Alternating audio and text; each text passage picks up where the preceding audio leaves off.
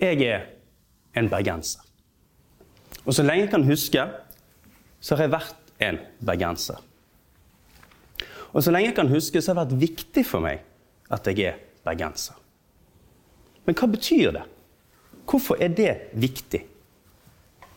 Ikke-bergensere har selvsagt også mening knyttet til det stedet de er født, og det stedet de lever sine liv.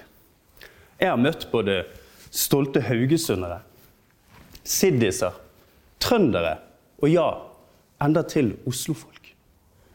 Men det er allment anerkjent at bergensere i større grad enn andre nordmenn er opptatt av sin by.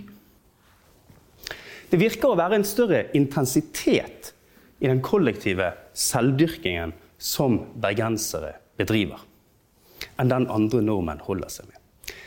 Ingen dyrker seg sjøl og sin stedsidentitet som bergenserne. Slik ser vi oss sjøl, og slik blir vi også sett av andre.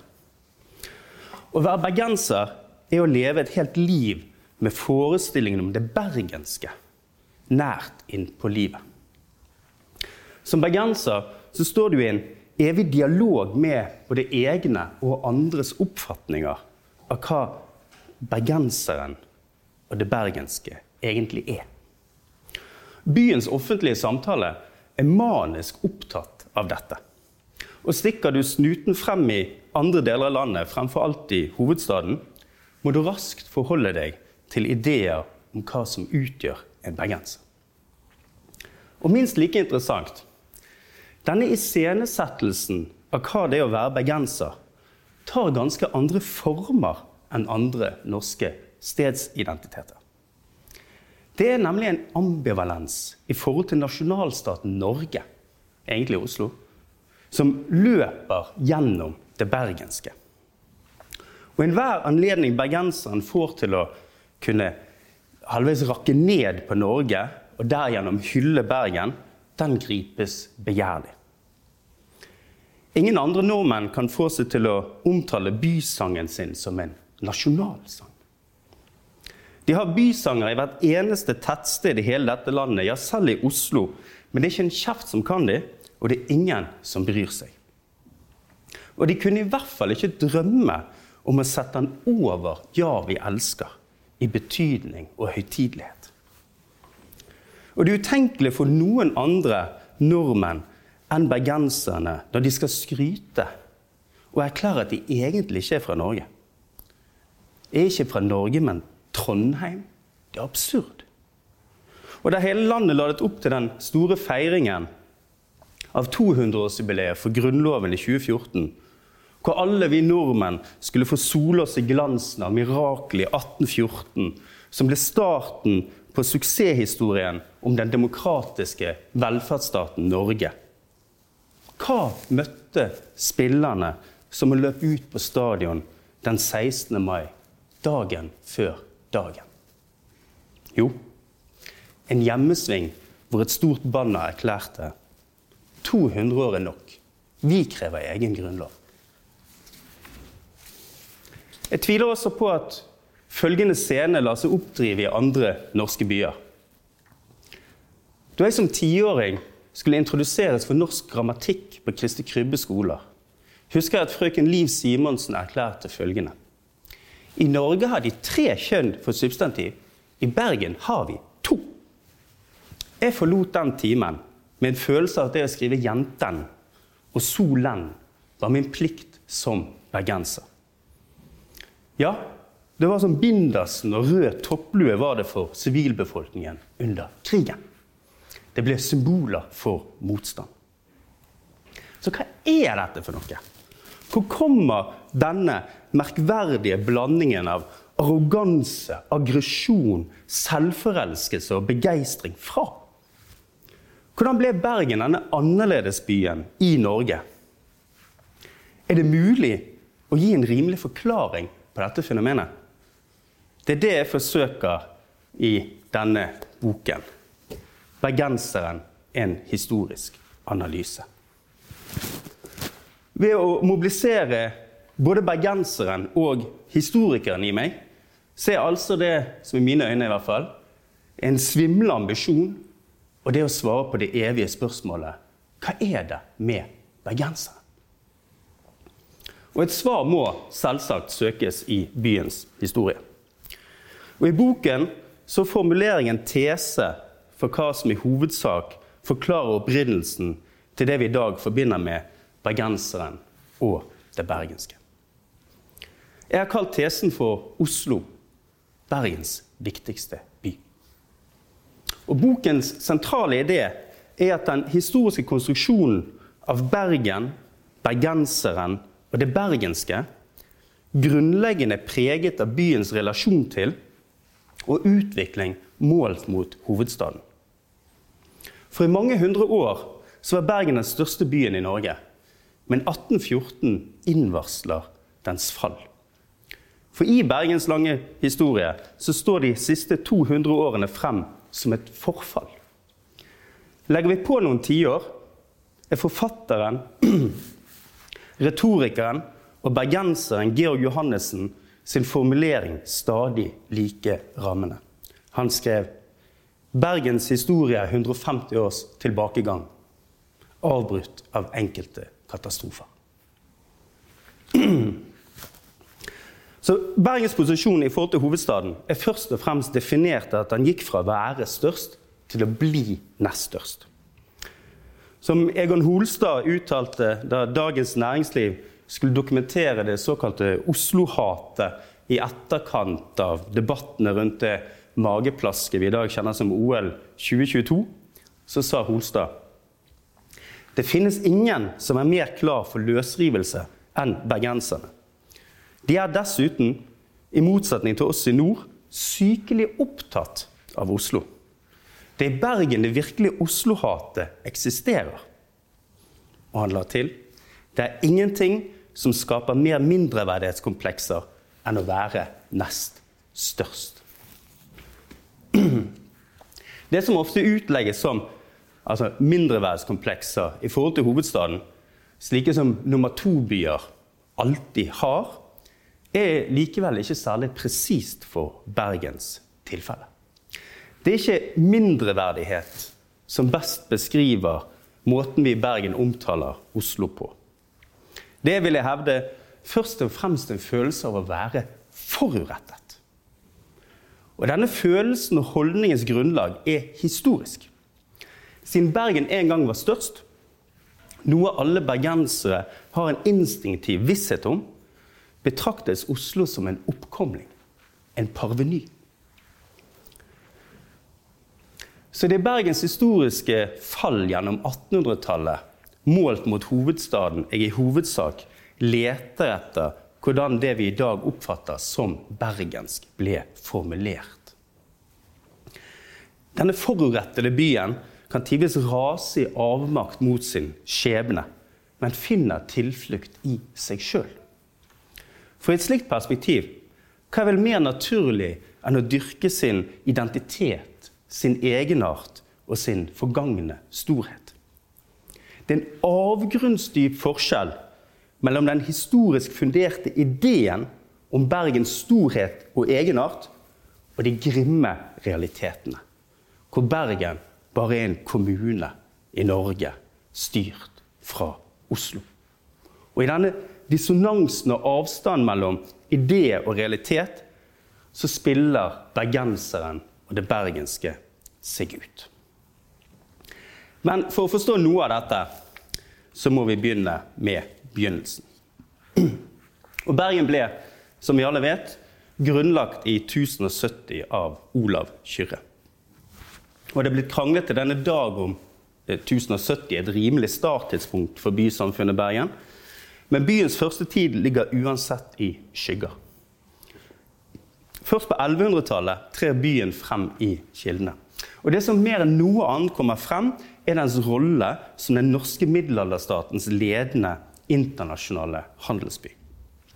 Da tre danske korsfarere av alle verdens ting, kom innom Bergen i 1191, var det nettopp dette de festet seg ved. Etter å ha slått fast at byen var den mest berømte i landet, beskrev de Bergen slik, og jeg siterer. Det bor mange folk der, og byen er rik og har overflod, overflod av så mange slag. Tørrfisk, som kalles skrei, er det så meget av at den verken kan måles eller telles. Skip og menn kommer seilende fra alle kanter. Islendinger, grønlendinger, engelskmenn, tyskere, daner, sveer, gotlendinger og andre nasjoner som det vil føre for langt å nevne. Alle slag kan en finne der om en tar seg til å se etter. Det er også mengder av vin, honning, hvete, gode kleder, sølv og andre salgsvarer. Og livlig handel med alt mulig. Så Dette er da altså det første reisebrevet fra Bergen i 1191. Og identifiserer helt nøyaktig hva byen levde av. Bergen er bygget på tørrfisk.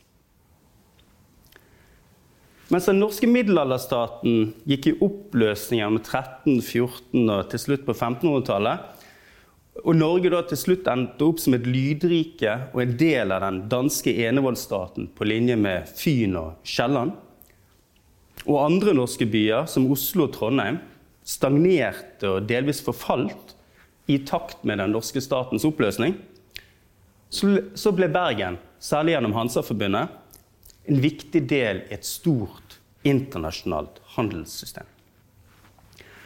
Handelen førte penger, varer og mennesker til byen. Det bygget Bergen. Og Etter hvert kom både hanseater og andre utlendinger til å smelte sammen med nordmennene i byen. For i første halvdel av 1600-tallet så utgjorde de innfødte bergenserne kun 17% av de som tok borgerskap i byen. Allerede i slutten av århundret hadde deres andel passert 40% og på 1700-tallet var mer enn halvparten av nye borgere født og oppvokst i byen. Og på 1600-tallet var over halvparten av nye borgere fra utlandet. Men det som er tydelig, er at de bergenske borgerfamiliene gjennom slutten av 1600- og inn på 1700-tallet nå var i ferd med å bli selvrekrutterende. De hadde oftest utenlandsk opphav en generasjon eller to tilbake. Men det var disse bergenske familiene som i de to århundrene før 1814 skapte det vi kan kalle det kosmopolitiske borgerskapets Bergen. Så Bergen ble grunnleggende en by preget av et handelsborgerskap med internasjonalt opphav, som over generasjoner delte det lille området rundt Vågen med tusenvis av tilflyttede vestlendinger. Byen var blottet for rikspolitisk makt, det som opprinnelig hadde bidratt til byveksten på 1100- og 1200-tallet, men handelen mer enn kompenserte for bortfallet av kongens og statsinstitusjonenes tilstedeværelse. På tross av kriger, pestår og skiftende konjunkturer forble Bergen den i særklasse største byen i Norge. Ja, det hevdes at den på 1500-tallet var avgjort Nordens største by. Så det er Bergen vi finner før 1814. Det er en by som på mange måter hviler trygt i seg sjøl av sin historie. Når du leser de ulike byhistoriene fra før eh, 1814, så er dette bildet som møter deg. Bergenserne var danske undersåtter, gode som noen. Men de tenkte mer på seg sjøl og sin by som et eget rike heller enn som en by i et Norge. Vernet av sine syv fjell, både faktisk og metaforisk, hadde han ryggen til det øvrige Norge og blikket vendt mot fisken i nord og markedene i Europa. Det var den klart største byen i Norge, men dette er knapt ifølge kildene, noen av dens innbyggere knapt virker å ha brydd seg om. Politisk og økonomisk så var de øvrige landsdelene og stiftsbyene eh, irrelevante for bergenserne. De svarte kun for én makt kongen i København. Ingen andre. Så bergensernes signifikante andre, altså dem de sammenlignet seg med og lignet på, var bymennesker i Tyskland, Nederland og på de britiske øyer ikke øvrige nordmenn. Mange av innbyggerne brøt fremdeles på tysk, og byens talespråk skilte seg klart fra andre norske. Så Bergen ble oppfattet av bergenserne sjøl mer som en europeisk utpost i et ugjestmildt kystlandskap, kystlandskap enn som en norsk by. Og slik ble de også sett av andre. For i 1799 da besøkte en engelskmann, Edward Daniel Clark, Norge. Han reiste fra Trondheim i nord til Kristiania i sør for å gjøre seg kjent med dette merkverdige landet langt mot nord. Men Bergen fikk han ikke tid til å besøke. Og Han spurte både i Trondheim og i Kristiania hva, hva det går med Bergen. da? Kan dere fortelle meg hva den byen er for noe? Og I Trondheim visste de ingenting, skriver Clark. Eh, og når han kom til Kristiania, så møtte han det som kanskje var landets rikeste mann på den tiden. Den store trelasteeksportøren Bernt Anker i Kristiania. Og Han spurte han hva er Bergens nåværende tilstand. Det var det første han spurte han om. Og Han ventet spent på svaret. Men temaet Bergen ble fort uttømt. For på spørsmålet om hvordan man i Kristiania betraktet Bergen, så svarte Anker følgende. Bergen er mindre kjent for innbyggerne her enn London eller Paris. Ja, vi anser den nesten ikke som en del av vårt land, eller som bebodd av nordmenn. Bergenserne er for det meste utlendinger, vesentlig hollendere. Folk som har slått seg ned der for å drive handel, for å kjøpe og selge den fisk som fiskes av innbyggerne i Nord-Norge. Sitat slutt. Georg Brandes, den berømte danske litteraturforskeren og viteren, satte senere ord på ideen om Bergen i dansketiden da han erklærte den for rigernes minst nasjonale by. En stad der var som en europeisk, en internasjonal enklave. Og dette, denne byen, dette byfellesskapet og denne historiske bykulturen, som hadde blitt utviklet i århundrer gjennomgående rundt Vågen, var det som møtte 1814 og byggingen av den norske enhetsstaten underlagt den nye hovedstaden Kristiania.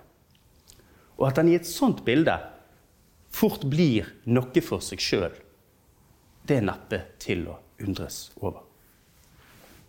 Og For ettertidens bergensere så ble denne fortellingen om den internasjonale handelsbyen Bergen en kilde til stadig stolthet.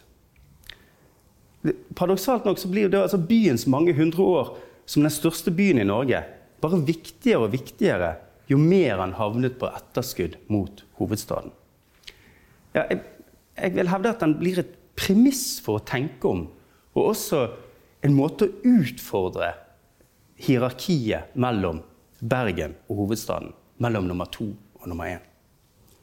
At Bergen hadde vært størst, og at bergenserne stammet fra Europa, ble selve forestillingen om byen. Slik hadde det i gåseøyne alltid vært. Det var dens selvsagte tilstand, dens, dens opprinnelse, dens urtilstand. Det tok nemlig ikke lang tid etter 1814, som jeg i boken kaller Bergens annus horribilis, før Bergens situasjon var radikalt forandret. Den hadde altså vært klart størst i Norge i 600-700 år, men det tok bare 17 år etter 1814 før Kristiania hadde passert Bergen. Og På midten av 1800-tallet så fremsto Bergen som en vits i hovedstaden.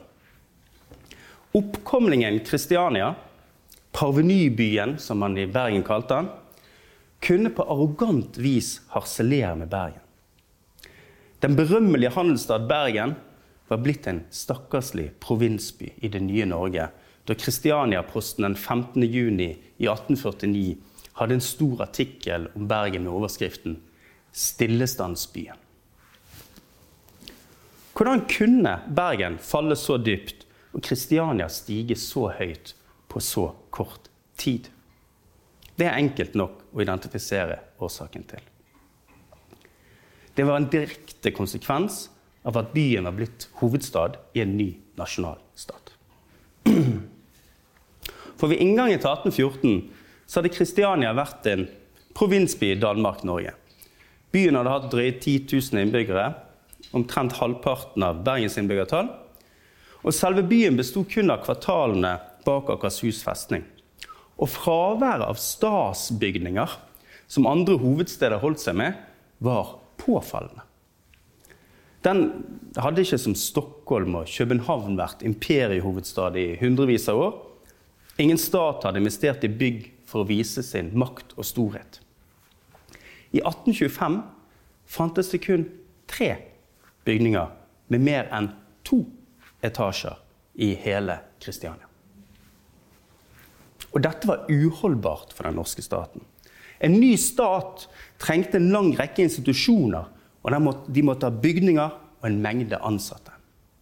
Og staten trengte symboler. Den norske statens første ti år etter 1814 ble tilbrakt i en nærmest permanent økonomisk krise. Men fra midten av 1820-årene så begynte en storstilt utbygging av nye bygg i statlig regi. Og siden samtlige sentrale institusjoner for Norge var lagt til Kristiania, så var det utelukkende der det skulle bygges. Og I tiårene fremover så foregikk det derfor kontinuerlige, storstilte offentlige byggearbeider i hovedstaden. Og landets ganske få ressurser ble kanalisert til Kristiania. For sånn kunne byen både fysisk og symbolsk innta en suveren stilling over landets øvrige byer. Og dermed i sannhet bli en hovedstad for Norge. Så i tur og orden ble Rikshospitalet, Slottet, Universitetet, Forsvarsdepartementet og en lang, rekke andre bygg reist for det offentliges regning frem mot midten av 1800-tallet. Og Historiker Jan Eivind Myhre har i Oslo bys historie vist konkret hvordan det å bygge en hovedstad fra grunnen av førte antallet innbyggere skarpt oppover og sentraliserte landets makt og byråkrati til ett punkt. Og denne Utbyggingen av statsapparat og statsinstitusjoner i hovedstaden hadde enorme ringvirkninger. Det ble skapt en tidligere ukjent etterspørsel etter varer og arbeidskraft i Kristiania. For trelastbyen Kristiania hadde egentlig ganske magre økonomiske kår gjennom første halvdel av 1800-tallet. Det var bruken av statens penger i hovedstaden som i hovedsak førte til at handel, mennesker og varer strømmet inn i byen. Byggevirksomheten alene tiltrakk seg, som Morgenbladet uttrykte det allerede i 1825, arbeidere i tusenvis. Og alle de privilegerte embetsmannsfamiliene og all den statlige virksomheten utløste et behov for tallrike arbeidere av enhver kategori. Enten de var offentlige funksjonærer, tjenestepiker eller bakere. for den saks skyld. Og Omtalte historiker Myhre har beregnet at minst halvparten, trolig en god del flere, av Kristianias innbyggere levde av staten omkring 1840. Og alt som siden fulgte av ytterligere konsentrasjon til hovedstaden, i form av private organisasjoner, kommunikasjoner og næringsliv hadde sin opprinnelse i disse første tiårene. Hvor alt som kunne, ble sluset til Oslofjordens endepunkt. Denne tidens, altså midten av 1800-tallets dyrking av hovedstaden som landets sentrum kommer tydelig til syne i et ungdomsarbeid av Ernst Sars.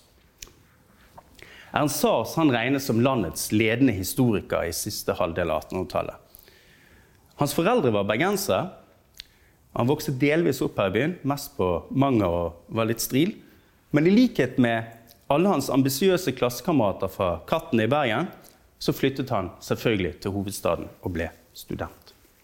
Og I en tekst kalt 'Bergen og bergenserne' så formulerte han sitt syn på hovedstaden og hva dens relasjon til landets øvrige byer, og da først og fremst Bergen, både var og måtte være.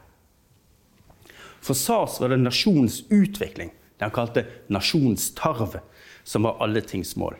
I 400 år hadde landet manglet politisk selvstendighet. Og da hadde en, citat, en samlet utvikling av nasjonen ikke vært mulig.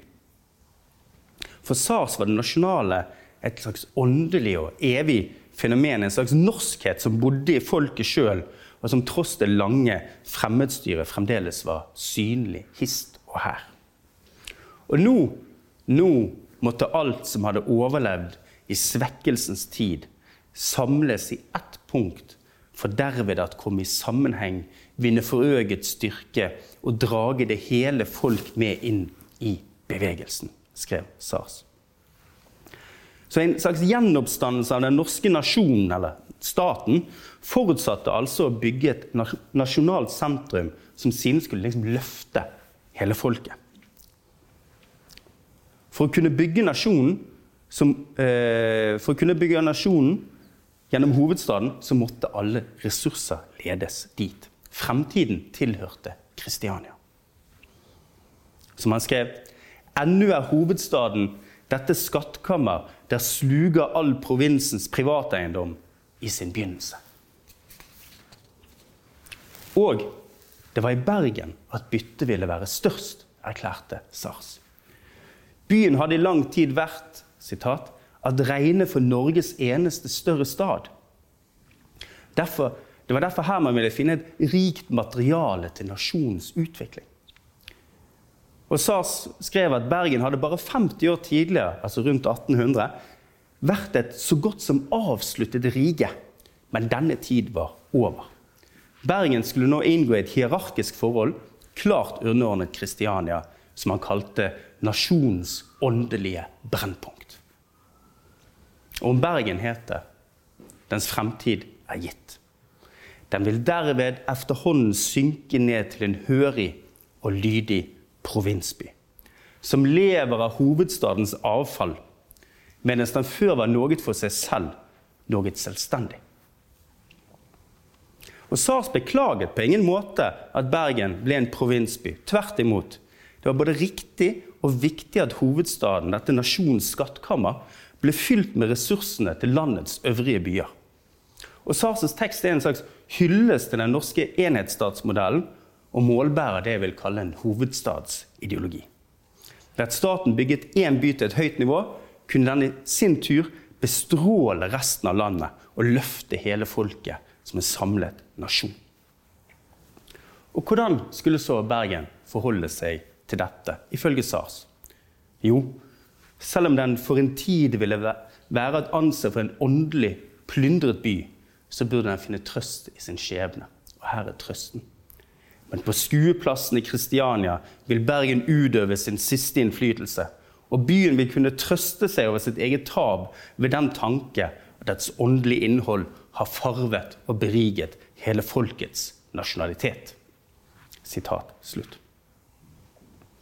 Og Sars har selvsagt rett i denne artikkelen sin fra 1855. Mot statens by var Bergen sjanseløs. Men på ett punkt tok han feil. Bergen ble aldri hørig og lydig. Og det er her jeg mener vi kommer på sporet av noe av kjernen i det, i det som har skapt det vi i dag kaller det bergenske. For Bergen ble gjennom 1800-tallet lutret og disiplinert inn i en statsledet utvikling av hele landet under Kristianias ledelse. Og tross at byen, som det heter i alle bergenshistorier som er skrevet, at byen våknet på 1850-tallet og igangsatte store infrastrukturprosjekter i kommunal og privat regi, noe som bidro til at byen igjen vokste i innbyggertall, så havnet byen stadig lenger bak Kristiania i størrelse og betydning. Kristiania var rundt 1900 blitt en by som fullstendig dominerte sitt land. Hovedstaden hadde like mange innbyggere som de neste åtte byene til sammen. Den sugde til seg alt av, som det heter hos Myhre, folk, talent, varer og kapital. Alle veier førte til Kristiania. Helt bokstavelig talt. Staten hadde satt byen i midten for all kommunikasjon. I 1898 lå over halvparten av landets samlede jernbanestrekning innenfor ti mil av hovedstaden. Og Hovedstadsstatusen var nøkkelen til alt dette. Den satte i gang en selvforsterkende prosess hvor alt av viktighet havnet i Kristiania. Så da de mange private og offentlige organisasjonene oppsto i andre halvdel av 1800-tallet, valgte de selvsagt hovedstaden som sitt sete.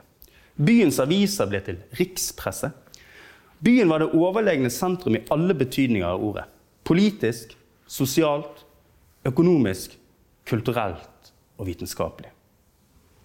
Snart er Kristiania hele Norge, proklamerte Arne Garborg. Og hadde helt rett. Og dette fikk selvsagt konsekvenser for alle norske byer. De opplevde som Bergen at det som tidligere hadde vært eh, til dels avsondrede lokale, politiske både offentligheter og bysamfunn, økonomier, ble, ble stadig mer avhengig av og kontrollert fra et statsapparat i hovedstaden. Så i en forstand så er Bergen bare den største av de norske byene. Det er hovedstaden som i denne forståelsen er annerledesbyen i Norge. Men den store avgjørende forskjellen mellom Oslo for den, store, unnskyld, for den store avgjørende forskjellen mellom Oslo og resten av landets byer er at den i kraft av hovedstad har vært den eneste som i praksis og helt konkret forstand har blitt bygget med statlige penger.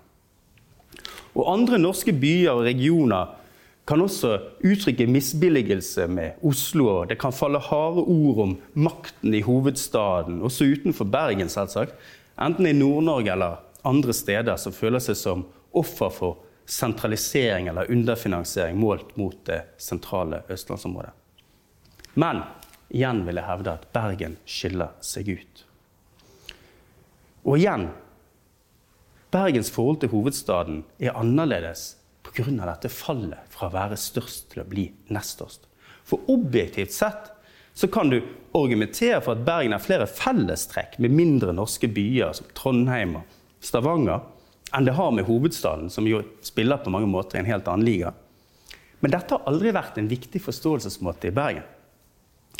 Der har man konsekvent heller sett seg i et motsetnings- og konkurranseforhold til Oslo. Det er dette som internasjonalt gjerne går under navnet 'The Second City Syndrome'. For ethvert land har jo selvfølgelig en by som er nest størst. Sverige har sitt Göteborg, Danmark har sitt Århus. Og det er fullstendig rimelig å forvente en viss grad av rivalisering mellom nummer én og to i alle land. Og da særlig sett fra den nest største byens side. Men igjen dette fallet Bergen opplever gjennom 1800-tallet, hvor han går fra størst til å bli nest størst, som i tillegg foregår svært så hurtig. Altså, I Bergen, i 1800 var Bergen om lag dobbelt så stor som Kristiania, men allerede i 1831 passerer den nye hovedstaden Bergens innbyggertall. Så dette radikale skiftet i styrkeforholdet mellom landets to største byer skjedde altså innenfor ett menneskes levetid.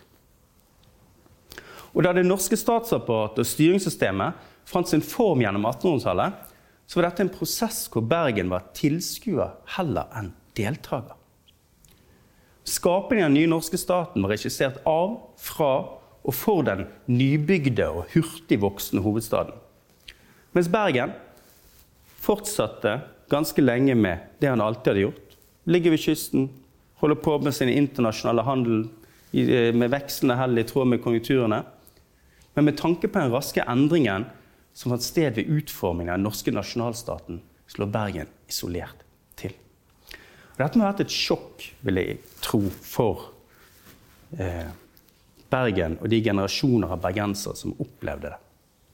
De gikk i regelen fra byborgere til statsborgere. Og de måtte ikke bare forholde seg til å være en del av en ny nasjonalstat, men måtte også erkjenne at byen var overgått på alle felt av en annen by. Noe som satte dype spor. Og dette skjedde jo langt på vei også i Sverige og Danmark. Også der regissert av, fra og for hovedstaden. Men der hadde hovedstaden alltid vært størst. I gåseøyne. Alltid. Det nasjonale primat lå i hovedstaden. Det, det var ikke tenkelig å, å, å, aspirere mot noe mer enn å være en regional størrelse. Og det gikk ikke an å hevde med rimelighet at du i kraft av din historie så deg sjøl som hovedstadens like. Men sånn var det i Norge. For sett fra Bergen så var da altså den nye hovedstaden en oppkomling som med statens hjelp hadde overtatt den gamle Hansastads selvsagte og naturlige posisjon som landets største. Så dette hurtige og radikale fallet utgjør kjernen i det traumet som ligger til grunn for dyrkingen av det bergenske, og for den rolle som Oslo inntar for byen og bergenserne.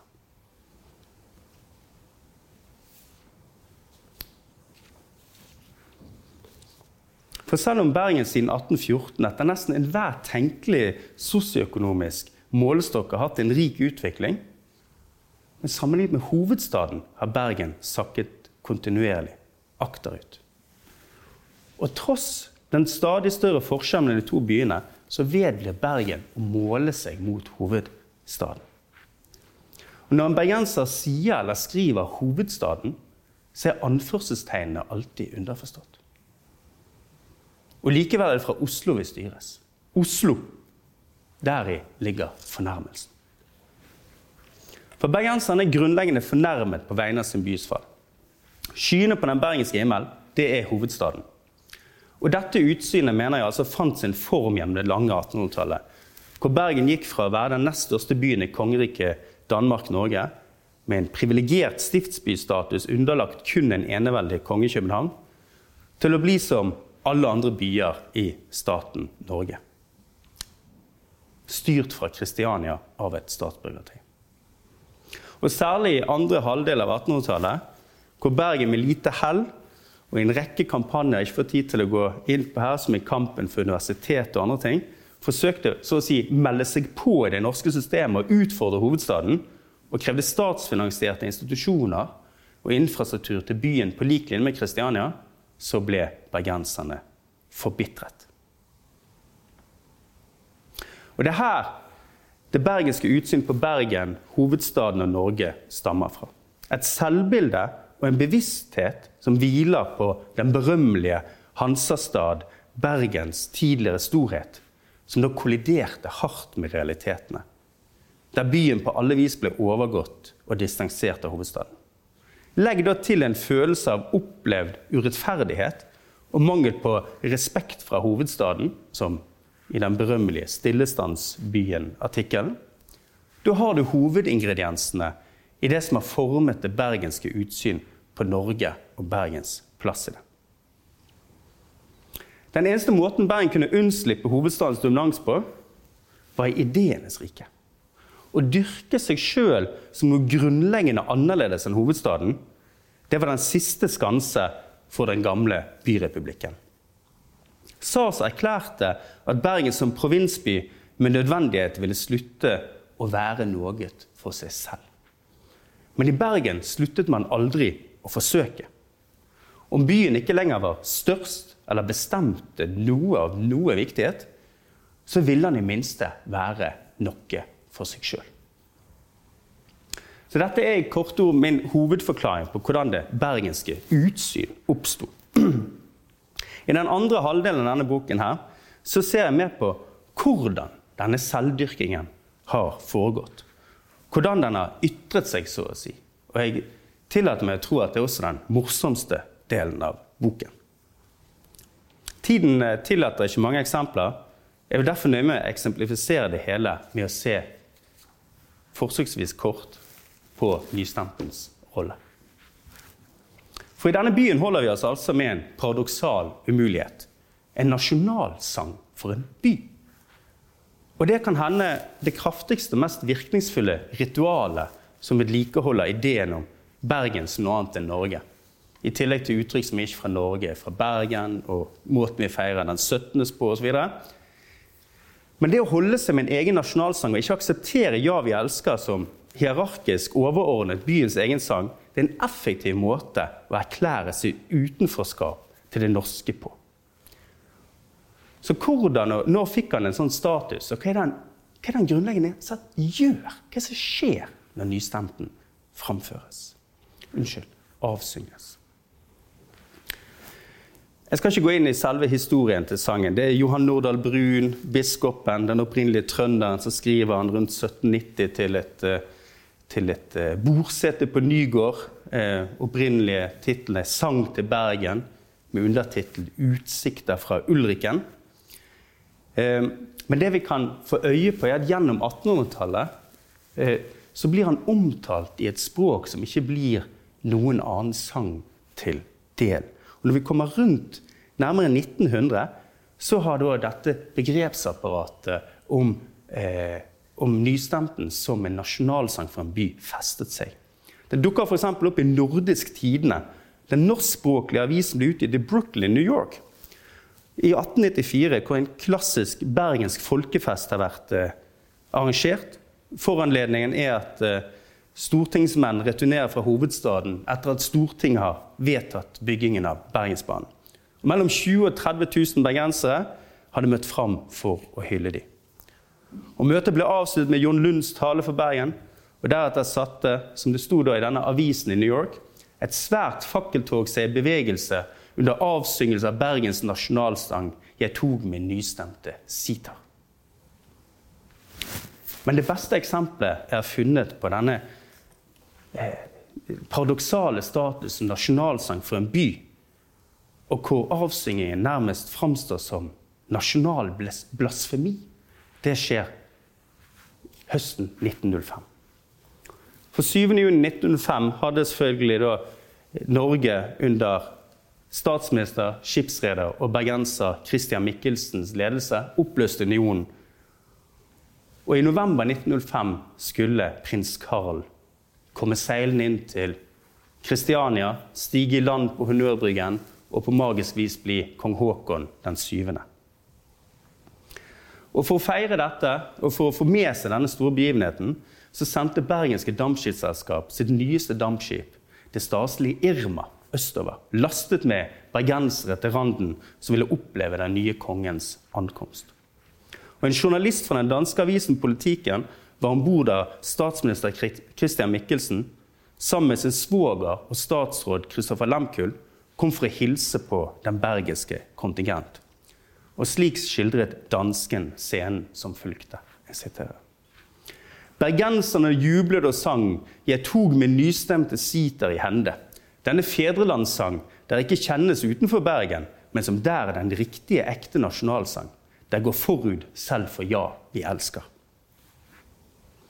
Og Hvordan reagerte da altså statsminister i Norge, Mikkelsen, på dette opptrinnet? Hvor bergenserne heller sang om Bergen enn Norge selv midt i feiringen av norsk selvstendighet i rikets hovedstad Kristiania. Ba han de synge 'Ja, vi elsker', for å vise at også Bergen sluttet helhjertet opp om Norge? Nei, på ingen måte. Han takket for sangen ved å si at det eneste han hadde savnet i all den hyllest han hadde mottatt etter å oppløst unionen, var nettopp nystemten. Og som politikken skrev Ti fremfor alt vedblev han at være bergenser. Og Mikkelsen var så begeistret for å høre sangen at han til slutt spurte om de kunne være så snill å synge den en gang til. Om de ville, avsluttet politikken. Så Bruken av nystemten har sin en gang blitt institusjonalisert i alle sammenhenger som kan oppfattes som bergenske, bl.a. ved Festspillene. Og for de som var, kan huske 90-tallet, så var åpningen i 1998 legendarisk. For da hadde Festspilldirektør Bergjord Jonsdottir, populært kalt Bella, til åpningen i 1998 strøket bergensianer og avsyngingen av nystemten fra programmet. Tradisjonen var bare 20 år gammel, og hennes argument var også godt. For det var nemlig 100 år siden Edvard Grieg hadde holdt den første musikkfesten i byen.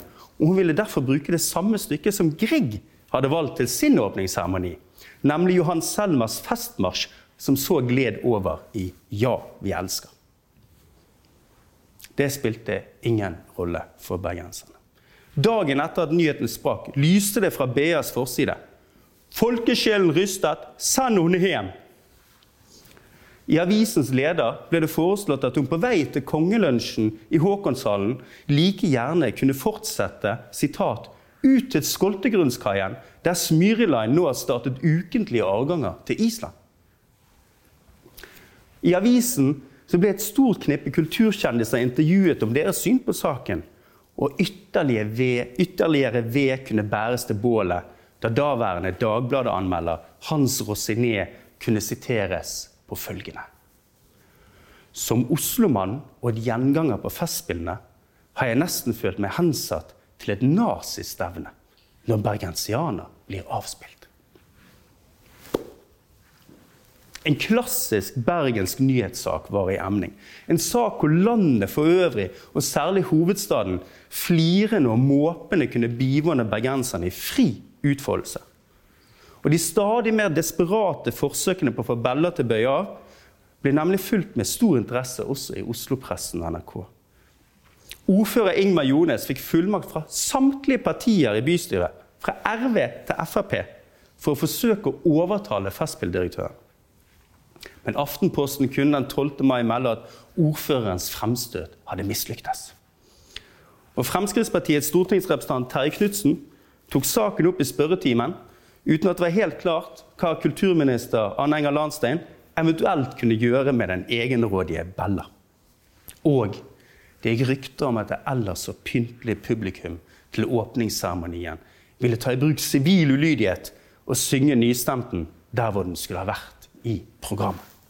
Spenningen var stor og ble fulgt dag for dag. En slags nedtelling. Vil det skje? Og programmet ble gjennomført akkurat sånn som Bella hadde planlagt det.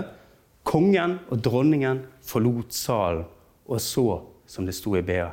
Millisekunder før folk ville begynne å følge etter kongeparet, begynte noen å synge. Og det meste av salen stemte i. I BA var det direktøren i Bergensbanken, Reidar Lien, som var dagens helt. I BT ble Arne Bendiksen utropt til å være en av forsangerne. I BA ble Lien rost for sitt moralske mot. Og I BT fortalte de hvordan Bendiksen ble omfavnet etterpå med ordene 'Vi klarte det, Arne!' Og På et legendarisk bilde i BT kan du se de tomme kongestolene i forgrunnen og den stående og syngende folkemengden bakover i bildet i Grieghallen. Samme dag oppsummerte oslomannen Hans Rossiné det hele i Dagbladet under overskriften 'Skvatt gærne'. For selvfølgelig, for utenforstående så er disse reaksjonene i 1998 de er overdrevne, de er hysteriske og rent ut latterlige. Og det er ikke vanskelig å forstå. At byens politikere i unison enighet på tvers av partiskiller bryr seg med åpningsprogrammet til et kulturarrangement, ville neppe ha skjedd i andre byer. Og Sett fra hovedstaden så bekrefter det ideen om bergenserne som barnaktige posører, mer opptatt av form enn av innhold. For i Bergen vil jeg påstå, er ikke nødvendigvis en saklig tone som dyrkes. Heller er det det overspente retoriske og teatralske som har verdi. Men det som er, kan hende er uforståelig for ikke-bergenserne, er at enhver desavuering av nystamten av mange i Bergen blir forstått som å trampe på bergenserne sjøl. For selv om veien tilsynelatende langt fra byens borgerskap i Grieghallen til tribunene på Brann stadion, så er det også her at det blir bråk hvis nystemten ikke vises respekt. Men for å oppsummere nystemten er en magisk melodi i og forberge. Så snart en har funnet et nytt bruksområde, blir situasjonen med en gang knyttet til sangens mer enn 200 år gamle historie. Og tradisjonen kan være så ny han bare vil. Et angrep på nystemtens plass eller berettigelse ved et arrangement oppleves som et angrep på Bergen selv. Men hva er det nystemten dypest sett gjør? Hva er dens magiske kvaliteter? Og jeg mener Et godt eksempel på å se på NRK for noen år siden. Søndag den 11. oktober 2015 sendte NRK2 en festkonsert fra Grieghallen. Anledningen var Harmoniens 250-årsjubileum. Etter mer enn to og en halv timer med diverse musikalske og kunstneriske innslag var det tid for kveldens høydepunkt. Under sin nye sjefdirigent Edward Gardner slo det stående orkesteret an tonene til bergensianer. Og opp spratt alle de rundt 1600 tilhørende. TV-kameraene konsentrerte seg om raden der kong Harald satt. Førstemann opp som et lyn var Harmoniens direktør Bernt E. Bauge. Men kongen var ikke langt bak. De to bergenserne, statsminister Erna Solberg og daværende byrådsleder Martin Smith-Sivertsen, fulgte på. Alle sang de, kongen med. Fylkesmann Lars Bonheim var derimot taus. Han reiste seg sent nærmest motvillig, men reiste seg. Det gjorde han. Og det er dette for bergenserne som er det magiske med nystenten. Den kommanderer konger og fylkesmenn. Ja, enhver utenbys dignitær som besøker byen. De må finne seg i å stå i respekt for det bergenske. Og sånn oppheves det nasjonale hierarkiet Bergen ellers er dømt til å leve under. Nasjonens representanter og særlig de fra hovedstaden, må for en stakket stund innta en underordnet rolle. Nasjonens konge til og med blir, sånn som i harmonien ved Festspillene, en rekvisitt i fremvisningen av det bergenske, ikke det norske. Og det ligger stolt trass og tross i avsyngingen. Det er en iscenesettelse av ideen om Bergen som noe annet, edlere og større enn bare en by i den norske staten. Det er ikke vanskelig å se det lattervekkende i slike episoder. Ei heller at mange bergensere faktisk kan finne de ganske pinlige. Men det går til kjernen i hva det bergenske gjør. Hvilken kraft det kan utløse, og hvorfor det gjør Bergen til et godt sted å leve for bergenserne. En god beskrivelse av virkemåten i dette bergenske teateraktige vi holder oss med her, Det kom uvanlig nok fra en kjent penn i hovedstaden i anledning den famøse skiltstriden med Bane NOR i 2017. Etter å ha redegjort for sakens bagatellmessige innhold, hvor altså Bergen klikket i vinkel for å komme opp noen skilt man ikke likte på jernbanestasjonen her i byen, og som var bestemt på et kontor i Oslo, som det het, og de store, overdrevne faktene som, eh, som dette utløser, så kommenterte nemlig Vetle Lid Larsene slik i Aftenposten. Jeg siterer. Latterlig Nei, vidunderlig. Etter 50 år med globalisering, relativisering, sentralisering og rotløshet finnes det fortsatt en stamme langt mot vest, ytterst i havgapet, som ikke vil gi seg på tørre møkka. De går i rare hatter, synger sangen sin når de vil, og tvinger ansiktsløse byråkrater i kne. De minner oss om at storord som demokrati, engasjement, medbestemmelse og livslykke begynner i det små. Ja, i det bitte lille. Bergen styres fra staten i Oslo som en hvilken som helst kommune. Det finnes ingen prinsipiell forskjell på Bergen og Berlevåg. Det er dette Oslo som i ulike avskygninger har fulgt Bergen som en ond skygge siden 1814. Det er dette som er Bergens signifikante andre. Og det er denne forestilte trusselen, fornærmelsen og overgrepet som sammen med den erklærte kjærligheten til egen by fortsatt gir styrke til det forestilte fellesskapet kalt bergensere og dyrkingen av det bergenske. Og det selv om bergenserne ikke lenger bor sammen rundt Vågen, men er spredt rundt omkring de syv fjell. Det bergenske finner fremdeles sin næring i avstand mellom idé og realitet. Og det bergenske det vil først dø den dagen vi bergensere ikke lenger dyrker ideen om Bergen som noe langt større og edlere enn hva virkeligheten tilsier. Den dagen bergenserne gjør det som så mange har bedt dem om gjennom årene, nemlig å stikke fingeren i jorden og oppføre seg i tråd med byens egentlige størrelse og betydning, da er det slutt. Den dagen bergenseren fører seg som en hvilken som helst nordmann og ikke anser seg for privilegert fordi vedkommende tilhører byen mellom de syv fjell, Først da er grunnlaget lagt for at hvilken som helst byen Bergen kan ta annerledes byen Bergen sin plass. Måtte det aldri skje. Takk for meg.